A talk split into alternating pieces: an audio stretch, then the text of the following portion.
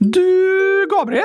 Ja, Oskar. Det är många lyssnare som berättar för oss om att de brukar lyssna på kylskåpsradion när de ska sova. Ja, det är sant.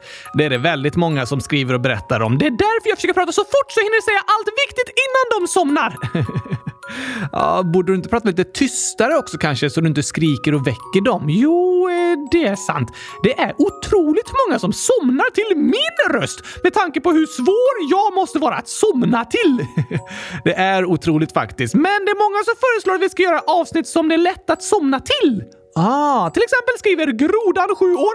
Kan ni någon gång ha något avsnitt som är enkelt att somna till? Och kan ni ha Italien som dagens land på listan? Räkna gurkorna och så är det 182 stycken! Mm, tack för dem! Bra förslag! Och Italien pratade vi om i Europakalendern. Dag eh, 17. Just det. Den som vi spelade in i december år 2019. I Italien heter det glass gelato.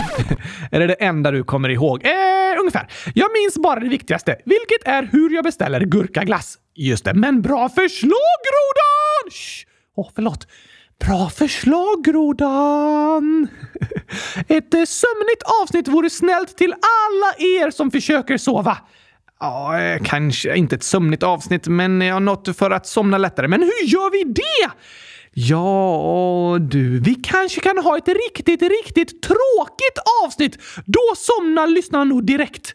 Tror du det? Ja, när jag är på riktigt tråkiga lektioner i skolan är det omöjligt att hålla sig vaken. Ja, jag håller med om att det är lätt att bli sömnig om man sitter och lyssnar på något tråkigt. Då låter det som en bra plan! Hur ska jag kunna bli riktigt, riktigt tråkig då? Hmm, alltså jag är bra på väldigt mycket, Gabriel, men jag är inte bra på att vara tråkig. Nej, faktiskt inte. Vad skulle jag kunna göra som är så tråkigt att lyssnarna somnar bums? Jag tror jag behöver lite hjälp. Från vem då? Alltså, alla pratar om den där nya AI-chattroboten som ska vara super smart. Ja, det har du rätt i. Det har varit mycket snack om AI det senaste. Det är en förkortning för artificiell intelligens. Så det är en robot som svarar på frågor. Typ ja, den kändaste är ChatGPT som är som en virtuell assistent. Du kan skriva frågor till den så svarar den på det du undrar, nästan som om du skriver med en annan människa. Den kan till och med skriva långa texter som uppsatser och programmera program och så. Det är därför många lärare är rädda för att eleverna ska fuska med hjälp av ChatGPT.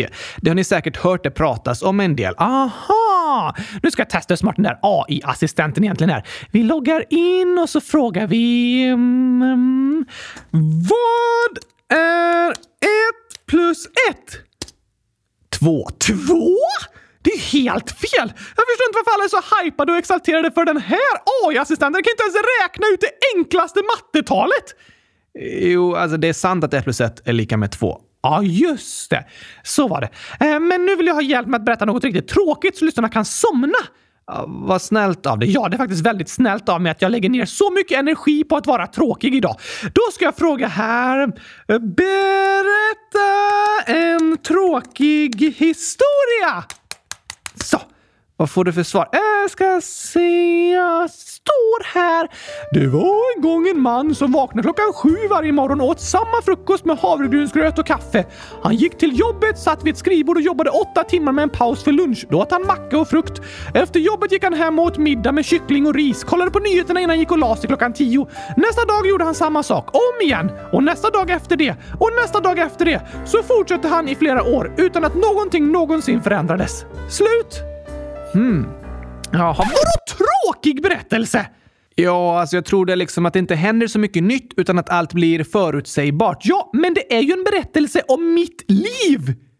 Det har du rätt i. Jag vaknar samma tid, jag äter samma mat, alltså gurkaglas till både frukost, lunch och middag varje dag och jag målar kylskåp hela tiden, varje dag. Just det. Och en sak kan jag berätta för dig, Gabriel. Det är inte tråkigt.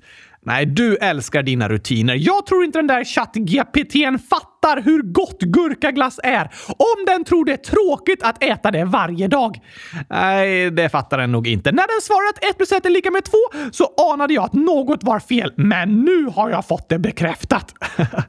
alltså, vad som är tråkigt och vad som är roligt är ju subjektivt. Vad menar du? Det är en personlig åsikt. Alla tänker vi olika om vad som vi tycker är roligt och vad vi tycker är tråkigt. Just det! Så robotar tycker det är tråkigt att äta samma mat varje dag.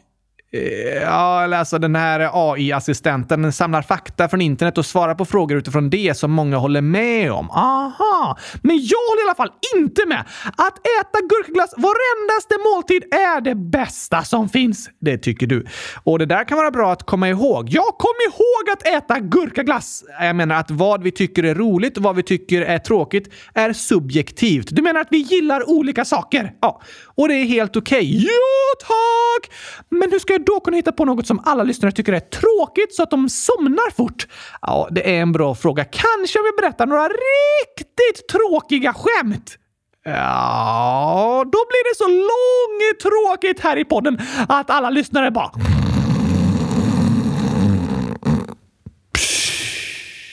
Kanske det. Eller så är skämten så dåliga att de blir roliga. Ja, det kan också hända. Um, jag ger den här AI-assistenten ett sista försök. Um, berätta ett dåligt skämt. Då ska vi se här. Mm. Varför gick kycklingen över vägen? Hmm, jag vet inte. För att komma till andra sidan. Ja. Ah. Det var faktiskt så dåligt att det var roligt. Ja, jo, men jag håller med. Såklart kycklingen gick över vägen för att komma till andra sidan. Varför annars? Nej, visst.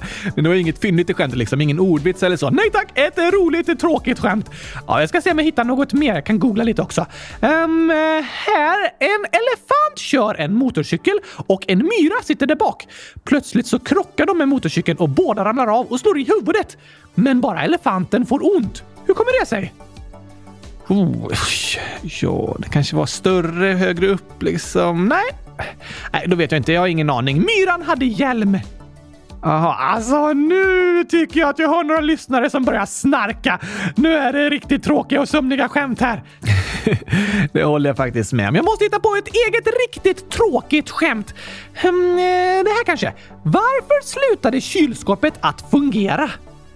Eh, jag vet inte. För att någon dragit ur sladden. Ja, såklart. Så dåligt att det nästan blir roligt. Ah, jag, jag tyckte mest det var dåligt faktiskt. Det här då. Varför har golfspelaren på sig två par byxor? Eh, ifall den får hole in one. Ja, äh, det var ju fyndigare. Hole in one. Du vill inte ha hål i byxorna? Nej, men hole in one betyder ju inte hål i byxorna utan att du slår bollen i hålet på ett slag. Sant! Det här då. Varför lever fiskar i saltvatten? Det gör de inte bara, men varför? För att de vill bo i havet? Nej tack! För att pepparvatten får dem att nysa. Aha, alltså jag älskar tråkiga skämt. De är ju jätteroliga. Alltså inte så tråkiga. Nej, de blir så dåliga liksom att de blir roliga. Jag förstår vad du menar. Det går dock inte så bra för dig att spela in ett avsnitt som ska få lyssnarna att somna snabbare, Oskar. Nej, jag säger ju det. Jag är inte duktig på att vara tråkig. Tyvärr inte. Och inte duktig på att prata tyst. Inte det heller. Så istället kommer det här ett till skämt. Varför är matteboken ledsen? Ehm, känner jag igen? Nej, jag kommer inte på varför. För den har så många problem! Ja, det var ett tokigt skämt ju. Stackars matteboken! Ett så problematiskt liv! Så många problem att lösa! Oh, det har den. Nej, jag tror jag måste sluta skämta om lyssnarna någonsin ska kunna somna. Kanske jag kanske kan berätta några tips för att somna istället? Ja, men det låter bra.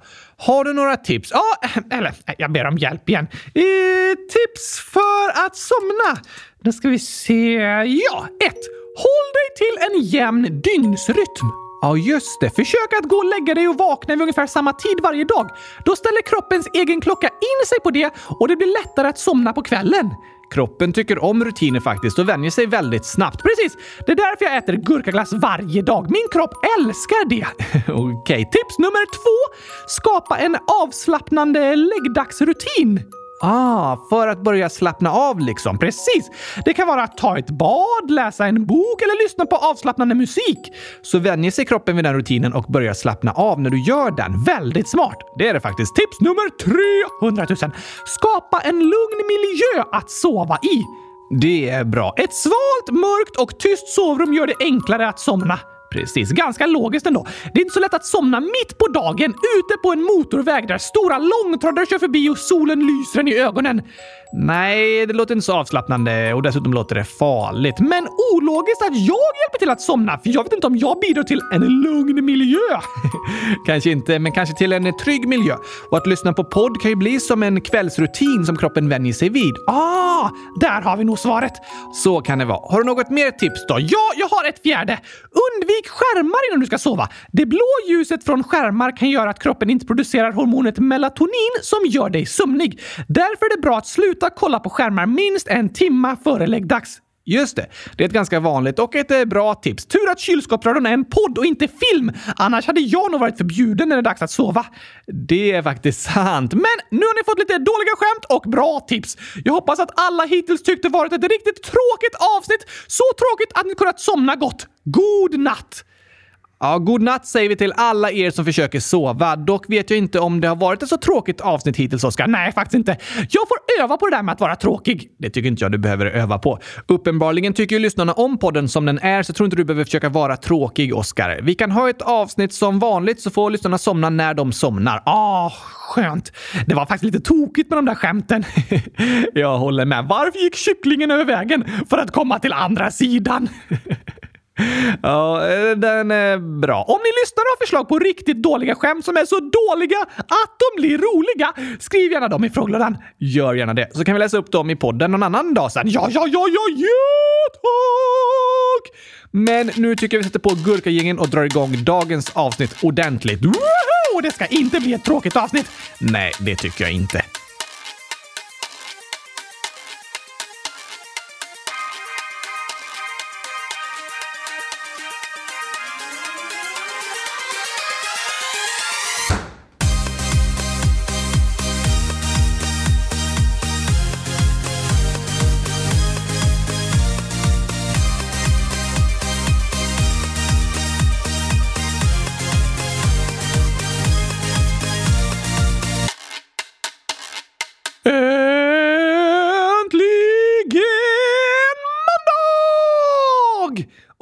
Äntligen avsnitt 100 346 av Kylskåpsradion. Och förlåt säger jag till alla er som jag väckte genom att ropa “Äntligen måndag”. Det kan ha varit en och annan. Men om vi inte ska berätta tråkiga historier och skämt, vad ska vi hitta på då i dagens avsnitt, Gabriel? Jo, jag tänker att vi fortsätter lyssna på lyssnarnas förslag. Det är bra, verkligen. Och Anonym, snart nio år, skriver “Kan ni prata om djur? Hur många frågetecken?” och så är det 132 stycken. Gurka och glass, nio år. När ska ni prata om djur? Hitta felet och så är det massa gurkor och en ledsen katt och en ledsen emoji. Och gulliga gurkan, 100 006 år. Kan ni prata om ett nytt djur? Ett nytt djur? Ja, vadå? Uppfinns det nya djur? Till exempel, vadå? Finns det äntligen vandrande kylskåp som lever i djungeln? Eh, nej, Oskar. Vad är det då för nytt djur vi ska prata om? Alltså, ett nytt djur som vi inte pratat om än i podden. Aha, jag fattar! Nytt för kylskåpsradion. Men det behöver inte vara uppfunnet nyss. nej, det behöver det inte. Och djur uppfinns liksom inte på det sättet som uppfinningar gör. Nej, just det. Men visst var det ett bra förslag att prata om djur? Ja, ja, ja, ja, djur! Tack! Sen vi hade djurkalendern i december år 2020 så har vi fortsatt att prata om djur här i podden då och då, ungefär som vi pratar om länder. Precis. Vi har en omröstning på hemsidan där ni lyssnare kan rösta på vilka djur ni vill att vi ska prata om. De som vi redan pratat om finns inte kvar i omröstningen längre. Nej, de tar vi ju bort då så småningom. Du glömmer alltid att ta bort dem så lyssnarna måste påminna dig. Eh, ja, det har hänt typ varje gång. Men ska vi kolla in resultatet i omröstningen? Ja tack! Ska vi se här. Eh, ni lyssnare röstar genom att gå in på vår hemsida www.kylskåpsradion.se och så scrollar ni ner lite på första sidan tills ni kommer till omröstningar. Där går det att rösta på länder, djur, historiska personer och spel. Om ni vill rösta på djur så trycker ni på omröstningen med djur. Just det. Otroligt smart fixat! Ja, ganska logiskt. Men då kollar jag vilket djur som leder omröstningen. Ja! Spännande! Vilket är det? Det är en grupp av djur liksom. Vandrande kylskåp? Eh, nej, de har fyra ben. Eller de flesta i alla fall. Fyrbenta vandrande kylskåp? Nej, Oskar. Ah, du har ingen aning. Eh, det finns väl ganska många djur som har fyra ben. Du kan väl gissa på någonting? Hem! Fyra ben? Ett djur? Nej, jag har svårt att komma på något. Det är typ det vanligaste som finns, Oskar. Äh, kanske mm, strutsar? Eh, De har två ben. Ah, sant! Tusenfoting! Det hörs på namnet att de inte har fyra ben, Oskar. Nej, men de har ju mer än fyra ben! Ja, jag sa inte minst fyra ben, jag sa alltså exakt fyra ben. Aha! Äh, då kan jag inte komma på något. Det finns jättemånga. Ja, men jag... Säg istället! Okej, idag ska vi prata om ödlor. Oh la la! Ah, det är faktiskt spännande. Visst är det. Alltså en sån ögla som är liksom en krok eller att du knyter en ögla på ett rep. Inte öglor, Oskar. Ödlor. Ah, ännu mer spännande. Ja, det är faktiskt ännu mer spännande tycker jag. Och ödlor är den artrikaste kräldjursgruppen som finns över hela jorden, utom på Gurkvägen 14 i Västerås. Eh, nej, jag skulle säga utom på Antarktis. Just det! Lite logiskt att det var en hel kontinent som inte har dem. Ja, det finns ju inte många djurarter på Antarktis. Men finns det en gata som heter Gurkvägen i Västerås? Ingen aning, jag bara gissade. Eftersom det är Gurkstaden så borde det finnas en Gurkvägen. Ja, du tänker så. Det finns ju vissa platser som inte har ödlor, i alla fall inte hela tiden. Men jag menade en hel världsdel där det aldrig finns ödlor. Ja, ah, okej. Okay. Förresten, jag ska googla på Gurkvägen och kolla här. Finns det någon... Nej, det finns ingen gata som heter det i Västerås. Men, men vänta nu! Det finns Gurkvägen i Linköping! Va? En liten sidogata med typ fyra hus på sig. Oj, tokigt. Jo, det finns Gurkvägen på Ekerö och i Färjestaden, alltså på Öland. Nej, men där ligger den bredvid Grönsaksvägen och Lökvägen. Jag ser lite av ett tema där. Och det finns även en Gurkvägen i Vassmoslösa. Där ligger den bredvid Potatisvägen. Oj, oj, oj. Så det finns fyra gurkvägar i Sverige? Ja, minst i alla fall. Varför bor inte vi på Gurkvägen, Gabriel? Mm, det är en bra fråga. Finns det någon adress som är Gurkvägen 100 000? Nej, det verkar inte som. Jag ska bygga ett hus på Gurkvägen och ge det nummer 100 000. Det vore ju lite av ditt optimala hem, Oskar. Vad tror du om att flytta till Öland? Till Gurkvägen, precis bredvid Ölandsbron. Ja, ja, det låter väl trevligt, eh, men känns lite som en skev prioritering att flytta till ett visst ställe bara för att det har ett fint gatunamn. Ofta brukar ju folk flytta för ett särskilt jobb eller ett särskilt område de vill bo i och så. Jag tycker att ett gatunamn är den bästa anledningen som finns till att flytta. Tänk vilken lycka varje gång jag skriver min adress. Oskar von Gurka, Gurkvägen 100 000. För bra för att vara sant! Ja, det hade det nästan varit. Eh, så nu i Barcelona bor vi på en gata som heter Roser. På svenska låter det som rosor, så ett blomnamn i alla fall. Rosor går inte upp mot gurkor! Vi flyttar till Öland! Rosor är väl också fina? Ja, men det heter ju rosor! Så hela gatunamnet är grammatiskt fel. Ja, fast namnet är inte på svenska. Sant. I och för sig passar det för mig att bo här också, för jag är taggad som en ros! Det brukar du säga. Men på Gurkvägen hade jag varit lycklig som en gurka. Är gurkor lyckliga? Äh, ja tack! Tänk att du vaknar upp på morgonen och ser dig själv i spegeln och bara “Jag är en gurka! Jag är så vacker!” Ja, det låter ju som de är lyckliga då ja. Men det är inte så kul att bli uppäten eller? Jo, när en gurka blir uppäten så betyder det att människor tycker om den och det är en underbar känsla att vara omtyckt. Ja, att vara omtyckt. Men jag vet inte om det är en underbar känsla att bli uppäten. För gurkor, jo. Okej, okay. vi säger så. Men ödlor kan finnas även på Gurkvägen, dock inte på Antarktis. Okej, okay. vi har ju ett gäng standardfrågor om djur som lyssnarna har föreslagit. Ja tack, de tar vi idag! Ja, vi börjar med dem i alla fall. Vi kan börja med att klura ut hur många ödlor det faktiskt finns. Okej, okay, jag ska räkna. Gröna ödlor, gula ödlor, röda ödlor. Eh, räknas mörkröda ödlor med i röda ödlor eller är de en egen grupp? Jag menar inte hur många olika färger det finns på ödlor, utan hur många olika arter. Ah, jag fattar.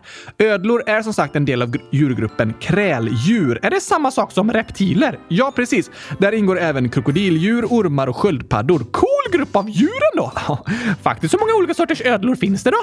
Över 7000 olika arter. Oj! Men det är en lite speciell djurgrupp med väldigt stora skillnader mellan arterna. Ormar ingår till exempel inte i gruppen ödlor, men men vissa ödlor är närmare besläktade med ormar än med andra ödlor. Du menar närmare som att de bor grannar på Gurkvägen? Nej, jag menar i hur lika varandra de är som djur. Ah, Okej. Okay. Vet du förresten om det bor en orm i något av husen på Gurkvägen på Öland? För jag har hört att ormar är väldigt eh, trevliga grannar. Eh, um, det kan ju hända att någon som bor där har en orm och det kanske finns vilda ormar i naturen på Gurkvägen. Men det är ingen orm som har köpt ett hus där liksom. Hur vet du det? Har du frågat Skatteverket? Nej, det var bara en gissning faktiskt. Aha, så du vet inte säkert? Jo, jag är helt säker på att en orm inte har köpt ett hus på Gurkvägen. Typiskt. Men, men, det låter som en trevlig plats ändå. Yes. Eh, hur stora är ödlor? Storlek och utseende skiljer sig väldigt mycket mellan olika arter. Kameleonterna är generellt de minsta ödlorna. De pratade vi om i djurkalendern. Ja, precis. Och nu tror sig forskarna ha hittat världens minsta kameleont på Madagaskar, vilket även är världens minsta reptil. Var den svår att hitta för att den är så liten? Ja, det var den nog. För den är 13,5 millimeter lång. What? Inte ens en och en halv centimeter? Nej, det är kort. Det är en väldigt, väldigt liten kameleont. Dess kamouflage är att försvinna. Den är så liten att den inte syns. ja, den behöver inte ens byta färg och kamouflera sig för att den är så liten känns det som. Men det här var en specifik individ som är ovanligt liten. De hittade två exemplar av kameleonten Brokesia nana där hanen var 13,5 mm lång och honan 29 mm lång. Också väldigt liten, fast ändå dubbelt så lång som hanen. Ja, så Brokesia nana kallas numera för världens minsta reptil. Den största då? Ja, det finns ju stora reptiler som krokodiler och så, men den största ödlan är komodovaranen. Just det! Den har vi pratat lite om tidigare här i podden. Ser nästan ut som en dinosaurie. Ja, jag får hålla med om att komodovaraner är det mest dinosaurieliknande djuret som finns på jorden idag. Den ingår i ödlefamiljen varaner och kallas just komodovaran för att den bor på ön Komodo och några angränsande öar i Indonesien. Där finns det många häftiga djur. Verkligen. Och komodovaranen kan bli över tre meter lång och väga över 150 kilo. What? Det är de största individerna. Oftast väger de runt 70 kilo som fullvuxna. De ser coola och läskiga ut på samma gång. Det håller jag verkligen med om. På engelska heter de faktiskt Commodore Dragon. Commodore Drake! Ja, passande namn ändå. Faktiskt. Om ni aldrig har sett hur de ser ut så sök på Komodovaran eller Komodo Dragon på Youtube så får ni se otroliga filmer. Är de gamla? De kan bli runt 50 år. Oj, oj, oj. Är det de äldsta ödlorna? Nej, det finns faktiskt en särskild art på Nya Zeeland som heter Tuatara-ödlor. Den har en medellivslängd på ungefär 60 år, men det är vanligt att den blir över 100 år gammal. Va? Vissa forskare tror även att det finns Tuatara-ödlor som är över 200 år gamla. 200 år! Så när de föddes fanns det varken tåg eller bilar att åka med och inga telefoner, inte ens telegrafen hade börjat användas för att skicka meddelanden. Och idag kan tuataraödlorna flyga flygplan över hela världen och ringa videosamtal från en liten manik de har i fickan. Otroligt vad världen har förändrats mycket under de här 200 åren. Ja, verkligen. Men just för tuataraödlorna har inte situationen ändrats så mycket. De använder inte mobiltelefoner eller transportfordon idag heller. Nähä!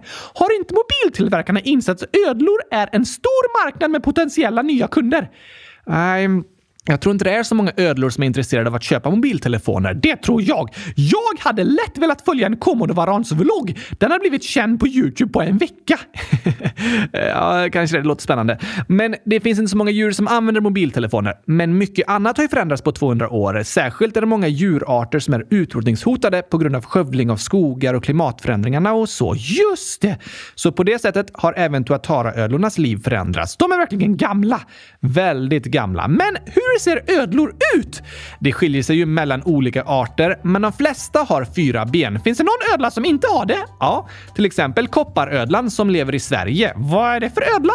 Oftast kallar den för kopparorm, för den har inga ben utan rör sig som en orm. Aha! Men det är egentligen en ödla, så kopparödla är ett mer korrekt namn. Är det stor skillnad på ormar och ödlor? En hel del. De flesta brukar ju se skillnad på dem genom att ormar inte har ben, men kopparödlor har inte heller några ben. Nej, precis. Ödlor har ögonlock som kan öppnas och stängas och tydliga öronöppningar. Det har inte ormar. Nej, sen har ormar bara en lunga, men ödlor har lungor som är indelade i flera olika kammare. Och något speciellt för ödlor är att de inte kan springa och andas samtidigt. Va? Är det därför ödlor springer några sekunder, sen stannar de, kollar runt och så springer de igen? Ja, precis. De kan bara springa några steg i taget för sen måste de stanna och andas. Vad tokigt! Det är faktiskt lite speciellt. Jobbigt om de är jagade av ett rovdjur och så måste de välja mellan att fly och springa eller att andas. Ja, det låter som en jobbig situation. Jag vet hur det känns. Vet du hur det känns att vara jagad av ett rovdjur? Nej, att inte kunna andas och springa samtidigt. Okej, okay, för jag kan varken andas eller springa. Nej, det har du rätt i. Anledningen till att ödlor har svårt att andas medan de springer är att de är fyrbenta och rör sig med omväxlande rörelser på höger och vänster sida. Eh, ja.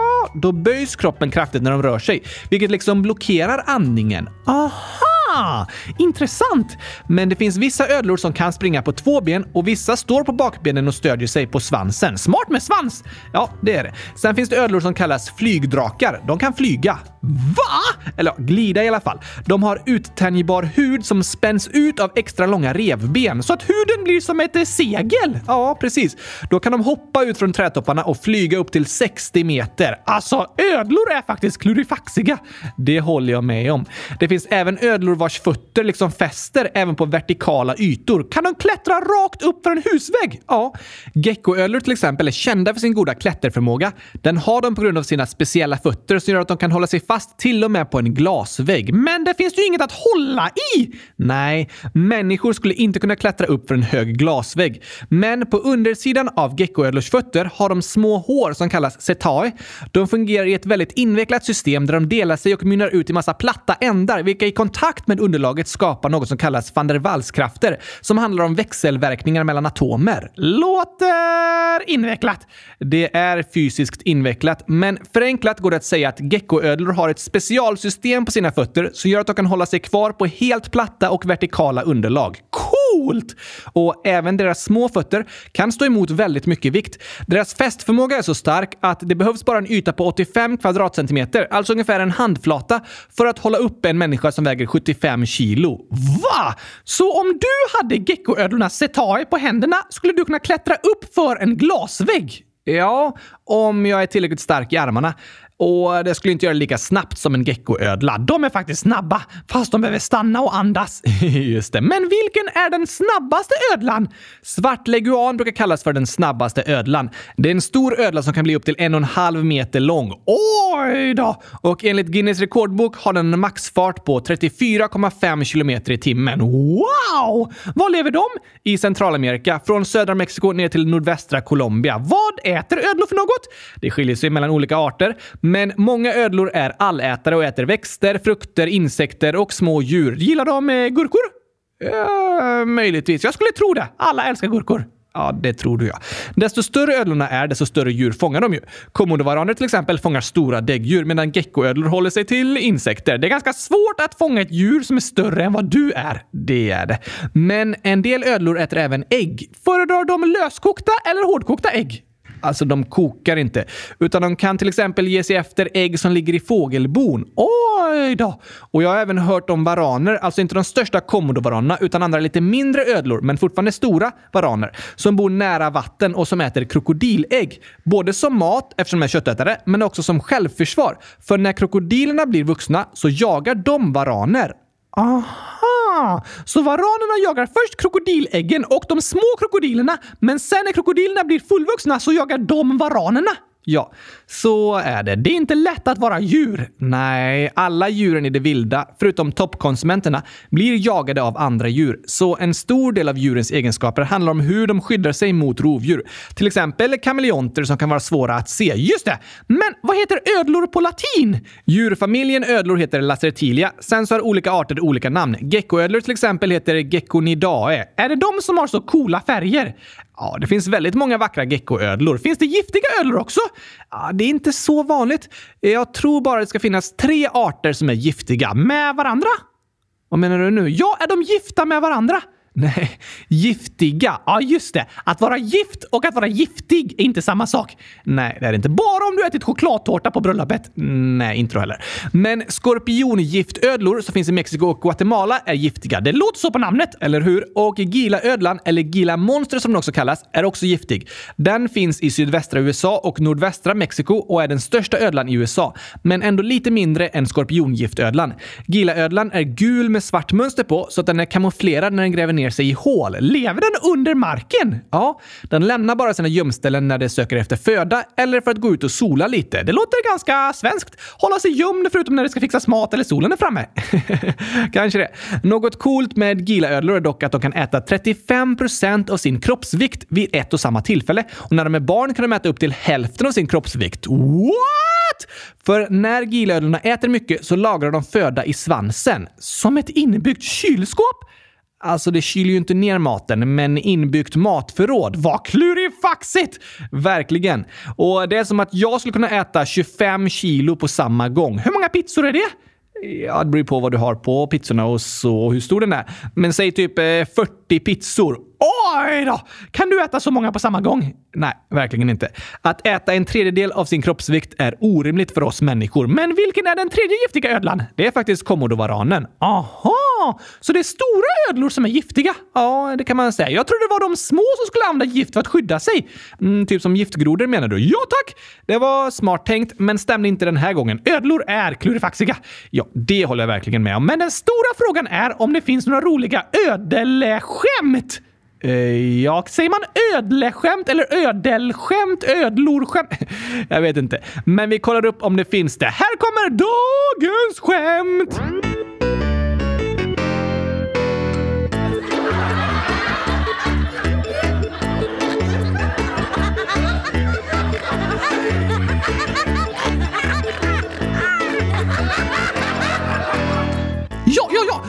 Hittat ett skojigt skämt här, Gabriel. Okej, okay. jag beställde en ödla online igår, men jag har inte fått varan än. Du har inte fått va ah, varan? Ja, tack! Låter som varan som jag har beställt. Ja, det gör det faktiskt. Tokigt. Men jag vill helst inte få en varan hemlevererad. De är lite läskiga. Det håller jag med om. Men vet du vad kameleontmamman sa till sitt nervösa barn inför första skoldagen? Hem, första skoldagen? Nej, det kan jag inte komma på. Oroa dig inte! Du kommer smälta in. smälta in. Det är kameleonter bra på att göra. Ja, det är de Men varför fick ödlan gå hem från skolan? Ingen aning. Den hade kameleont i magen. Kameleont. Det låter så smärtsamt att vara en kameleont. Ja, men tur att det inte är det kameleonter betyder. Sant. Vad kallas en ödla som sjunger snabbt? Mm, jag sjunger snabbt. Precis, det är en särskild musikstil. Ja, du menar så. En ödla, eller den är stillastående. Det är väl ingen musikstil? Nej, men de kan ju inte röra sig samtidigt som de sjunger. Ja, ah, just det. Det är sant, men det var fel. Okej, hiphop. Fast de kan ju inte hoppa. Aj, alltså de kan hoppa, men inte samtidigt som de sjunger. Kanske inte. Jo, kanske de kan. Jag vet inte. Eh, jag kommer inte på. Vad kallas en snabbsjungande ödla? Raptil! Raptil! Reptil. Ah, de rappar på väldigt bra de där raptilerna. Ja, reptiler låter som de är bra på att rappa. Men en sista här då, Gabriel. Okej, när säger en ödla kvack? Kvack? Ödlor kvackar väl inte? Jo. Jaha, eh, när den är hungrig? Nej tack! Men när skulle de kvacka? Det är ju inte de som gör det. Jag vet inte. När den lär sig ett nytt språk? Aha. Kvackande ödlor lär sig ankspråket i skolan. Ja, det är tokigt ju. Ja. Ödlor är faktiskt riktigt tokiga. De är väldigt häftiga skulle jag säga. Verkligen. Och klurifaxiga! Ja, de har många olika klurifaxiga egenskaper. Och nu eftersom vi pratar om djur idag passar det att spela upp kylskåpsradions djursång! Det tycker jag också.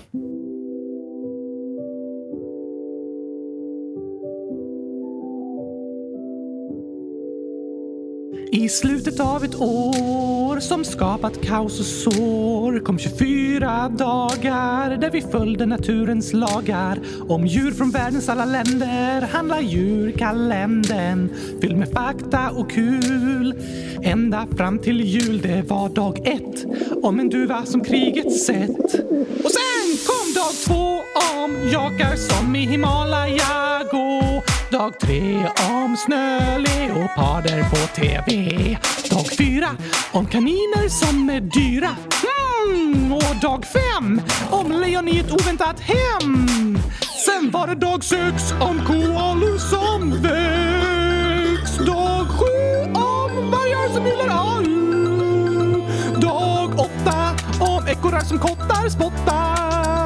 Och dag nio om hunden som går att se på bio Dag 10 om banan från Artesill Dag 11 om katter som rengör sig själva. Dag 12 om sjögurkor på havets gård. Dag 13 om hamstrar där ingen ser dem. Dag 14 om kattbjörnar vi länge haft fel om. Dag 15 om Fiskarna och dess syskon. dog 16 om leoparder som inte har bråttom. Dag 17 om läskiga ormar i köksskål. Dag 18 om långsamma snäckors gång. Dag 19 om ugglor som mejer så kloka vi tänkt om. Dag 20 om hästen som fick experternas tilltro. Dag 21 om de vackraste björnar vi sett. Och dag 22 om grenar sengångarna sitter på. Dag 23 om kameleonternas flexibilitet. Dag 24 om renar som tomten styra.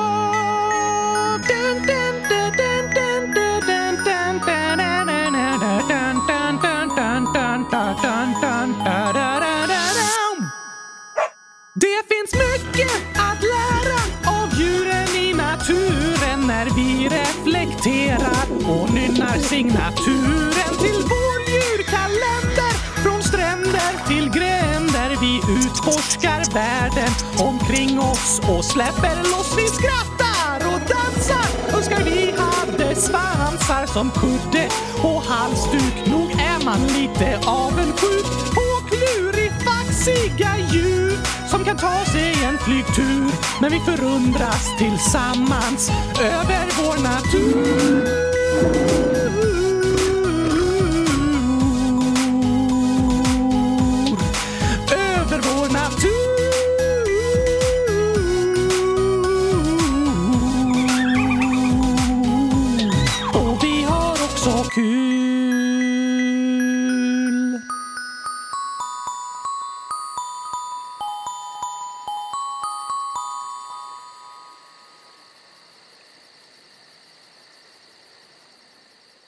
Det är spännande att lära sig om djur. Absolut. Och det vet jag att många av er lyssnare också tycker. Vissa tycker mer om spel eller länder eller historia. Så är det ju. Eftersom det är flera tusen personer som lyssnar på den här podden så försöker vi ha olika slags teman och fakta och så i avsnitten. Och då är det alltid vissa avsnitt som en tycker mer om än andra. För alla har vi olika intressen och det är helt okej. Okay. Det är helt okej. Okay. Det enda viktiga är att alla älskar gurkaglass. Nej, men Oskar. Det är helt okej okay att inte tycka om gurkaglass också. Ja, ah, det är sant. Jag får tycka om det om jag vill och andra får tycka om andra saker som som de vill. Precis, men vi har inte lyssnat på hur ödlor låter än. Det har du rätt i. Det finns ju många olika slags ödlor som vi lärt oss vid det här laget, men här kommer några ljud.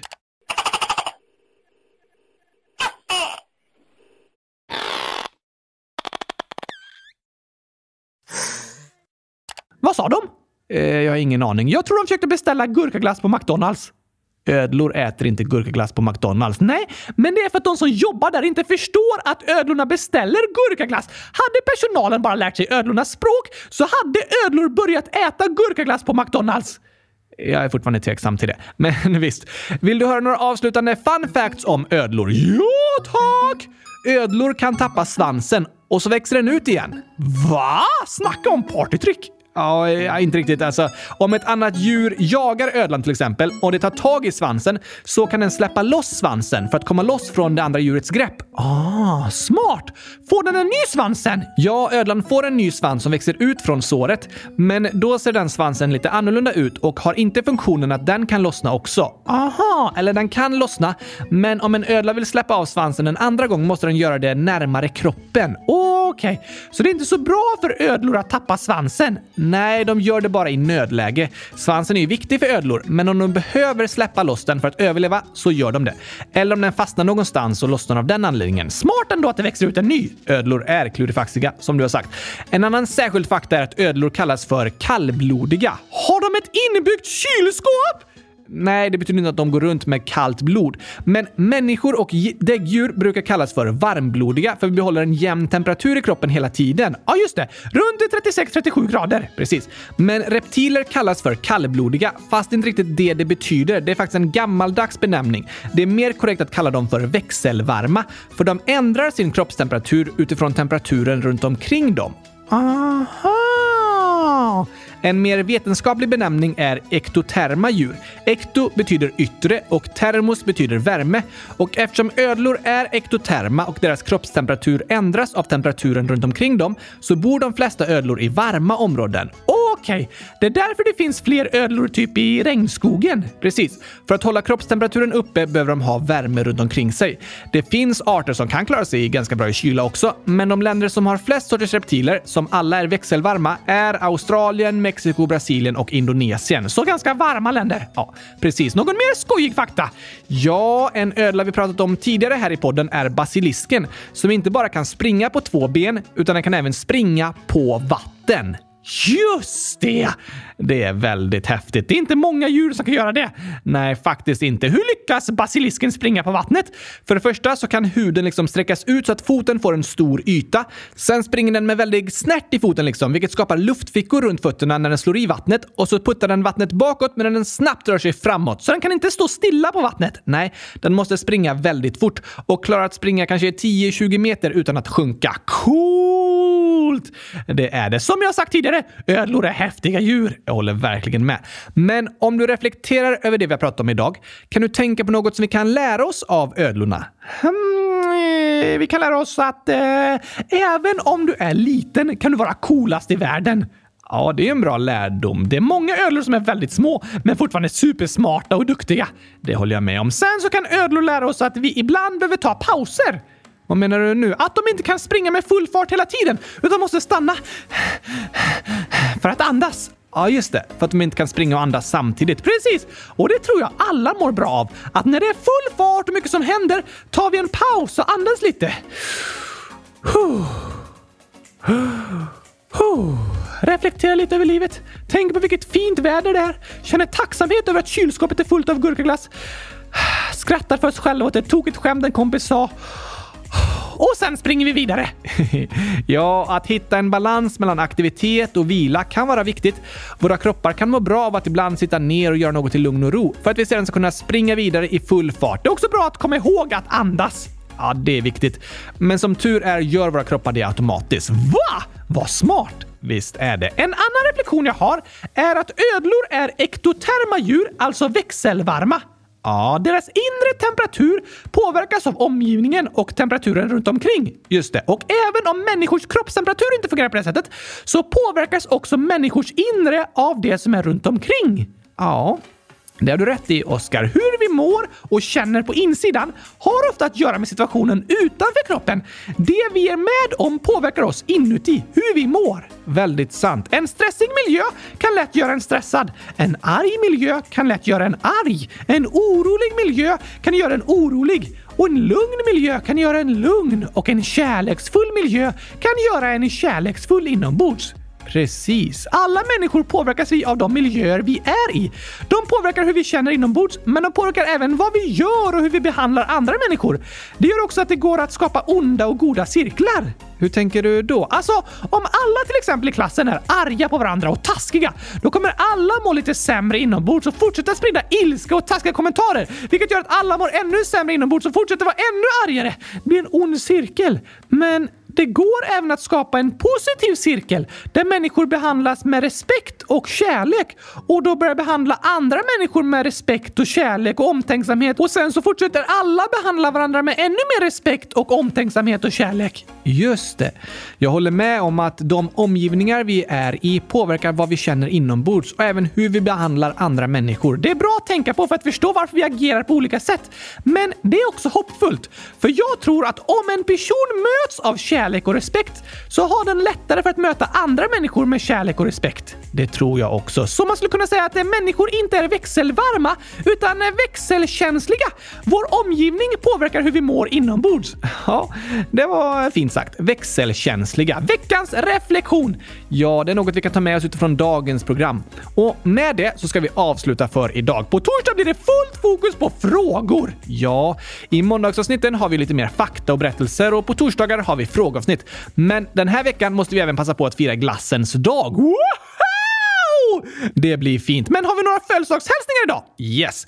Vi har en hälsning som skickades in precis innan torsdagsavsnittet förra veckan gjordes klart, så vi hann tyvärr inte få med den i torsdags. Det är Hilde, 9 år, som skriver “Hej! Jag fyller år den 18 mars, alltså på lördag. Hur många gurkor? PS. Fin felet. Älskar er. PSS. Snälla ta med mig i podden.” Och så är det 332 gurkor och lite avokado, äpple, päron, någon lime och broccoli och sallad. Ah, jag väljer gurkorna! Det gör du. Men woho! Grattis i efterskott på födelsedagen Hilde! Hoppas du hade en mega super duper fantastiskt bra födelsedag i lördags och att gurkaglasstårtan var högre än Mount Everest. Det är en väldigt hög gurkaglasstårta. Låter otroligt gott. Ja, kanske det. Vi hoppas du hade en dag med mycket skratt och glädje. 100 000 grattis till dig Hilde! 100 000 grattis. Sen skriver Anonym, ålder 8, 9 den 20 mars. Jag älskar er YouTube-kanal och eran podd. Nämen, vad snällt sagt! Det var verkligen roligt att höra och vi vill passa på att säga grattis på födelsedagen idag, Anonym! Ja! Hoppas du får världens bästa födelsedag och att kylskåpen sjunger fina födelsedagssånger till dig! ja, vilken dröm! Och att gurkaglassen aldrig tar slut! Fantastiskt! Kom ihåg att du är bäst i test! Det hälsar vi till dig och Hilde på era födelsedagar och till alla er som lyssnar. Vi hörs igen på torsdag! Det gör vi. Ha en härlig vecka tills dess. Tack och hej, gurkapastej! Hej då!